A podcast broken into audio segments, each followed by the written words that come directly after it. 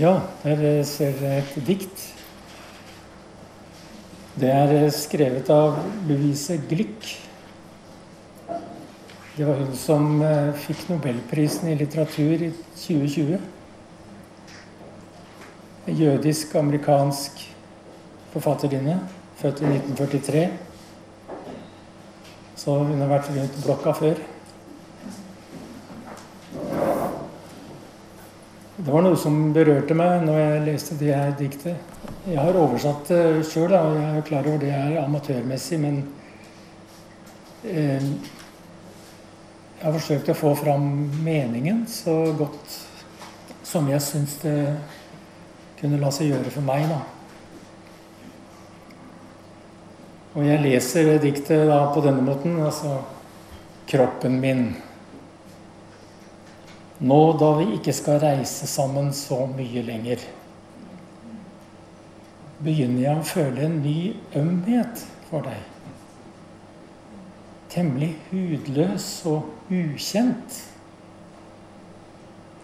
Slik jeg husker kjærligheten da jeg var ung.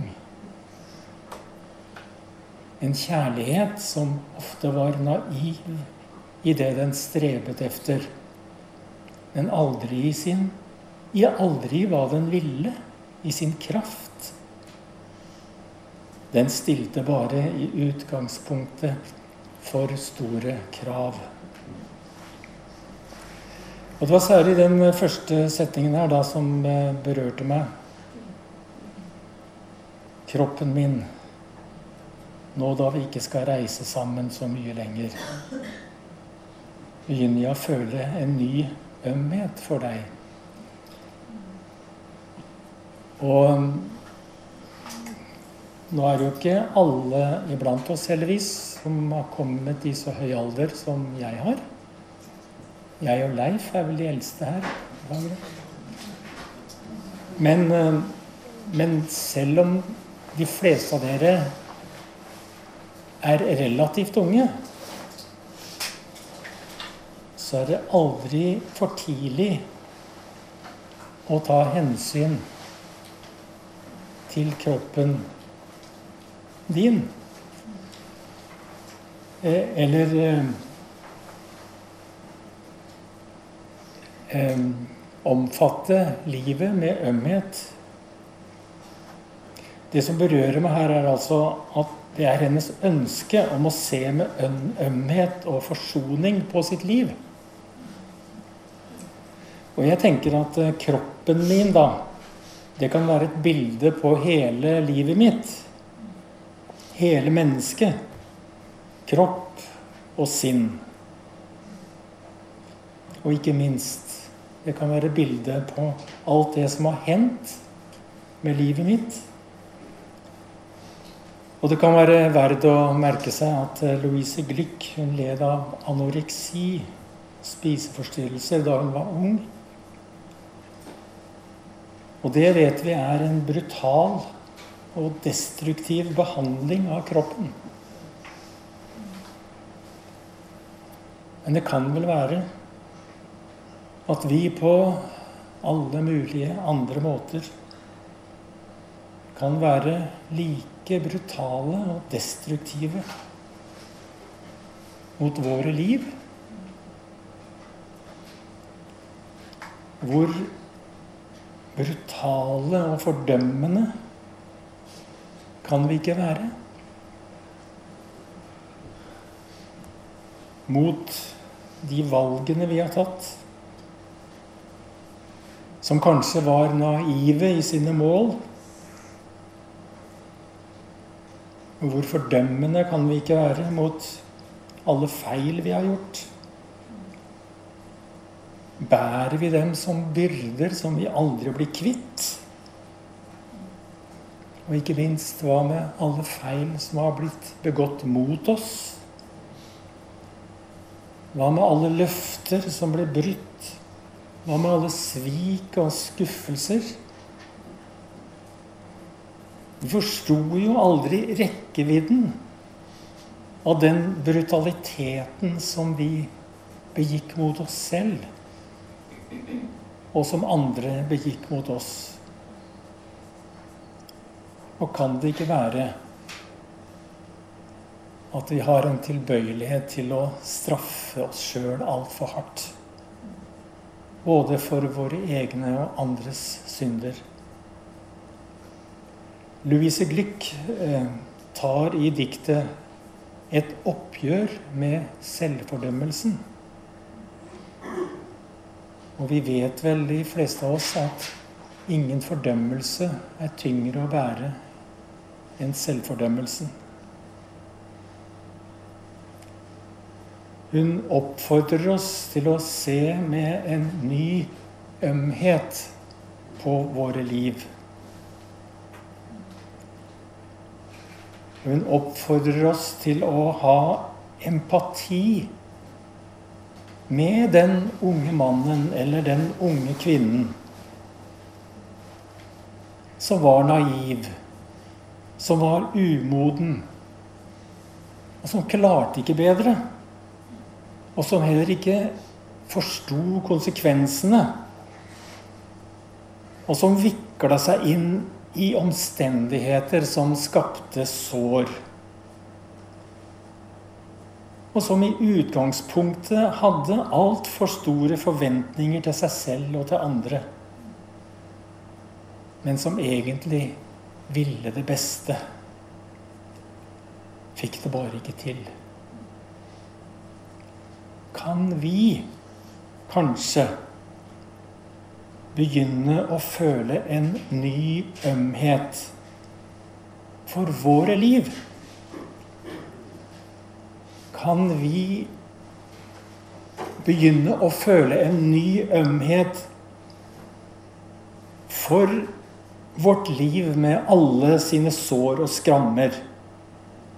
Kanskje en ny og hudløs og ukjent ømhet slik vi husker kjærligheten da vi var unge. En kjærlighet som var naiv, men trodde på sin egen kraft. Hva med den kjærligheten som tror på Guds kraft? Hvorfor er det så viktig å snakke om dette? Svaret er at det er fordi det åpenbart er viktig for Jesus. Det er jo han som sier til kvinnen som ble tatt på fersk gjerning i utroskap Jeg fordømmer deg ikke. Hun som ble fordømt av andre, og fordømte seg sjøl og det var Jesus som satt til bords med tollere og syndere. Han satt til bords med tollere og syndere. Ikke bare det, men han kalte dem til å tjene ham. Han ikke bare aksepterer meg, han vil ha meg som medarbeider. Det var han som fortalte lignelsen om sønnen som hadde svikta sin far, men som ble tatt imot som en prins da han kom tilbake. I alle disse fortellingene og mange, mange andre snakker Jesus med utestemme. Og han sier med trykk at du er tilgitt. Du er akseptert, og du er betingelsesløst elsket.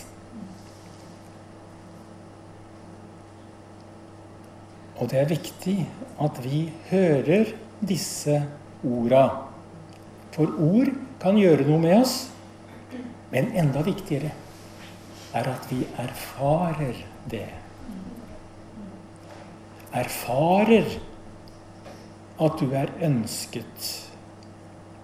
Erfarer at du er kjærkommen, og at du er villet med dine feil og dine nederlag. Og når det kristne fellesskapet ikke lykkes med å bidra med denne kvaliteten i våre liv, For det er ikke gitt at vi alltid gjør det. Da må vi erkjenne at vi har kommet til kort. Og vi må prøve å lære av våre feil. Men vi må aldri slutte å ta det på alvor. Når Jesus på så mange måter snakker så høyt om dette, så er det fordi han ønsker å overdøre, overdøve alle andre stemmer som sier det motsatte. Alle de stemmene som sier at 'jeg er ikke god nok', 'jeg er ikke akseptert', 'jeg er ikke verdsatt', og at jeg ikke har noe å bidra med. To av de aller viktigste behov vi har i livet, det er å føle oss akseptert, og at det er bruk for oss. At vi kan være til nytte. Det er to av de absolutt viktigste behov vi har som mennesker. Og hvis det finnes hindringer eller blokkeringer i mitt liv mot å se med ømhet på mitt liv, så finnes de blokkeringene ikke i Gud. Det er godt å vite. De finnes i meg. Og vi vet av erfaring at de ofte er Ja, de fortoner seg ofte som umulige å rive ned. Jesus sa, 'Kom til meg, alle dere som strever og bærer tunge byrder, og jeg vil gi dere hvile'. Problemet er bare at eh, vi pakker alle våre synder fint sammen. Så legger vi dem ned foran Jesus, bukker, tar dem opp igjen og går videre. Nå går vi et nytt år i møte. Og det første vi hører, er det her enkle budskapet. Kroppen min, sinnet mitt, livet mitt. Jeg håper at vi får reise sammen enda litt lenger. Da vil jeg love deg, kroppen min, sinnet mitt, livet mitt, at jeg vil prøve å gi deg en ny ømhet. En kanskje uprøvd og litt uvant ømhet. Men jeg vil prøve å forsone meg med deg. Så hjelp meg, Gud Gi meg visdommens og åpenbaringens ånd, så jeg kan erfare kraften i din nåde og forstå meg selv og se meg selv Edith Lys.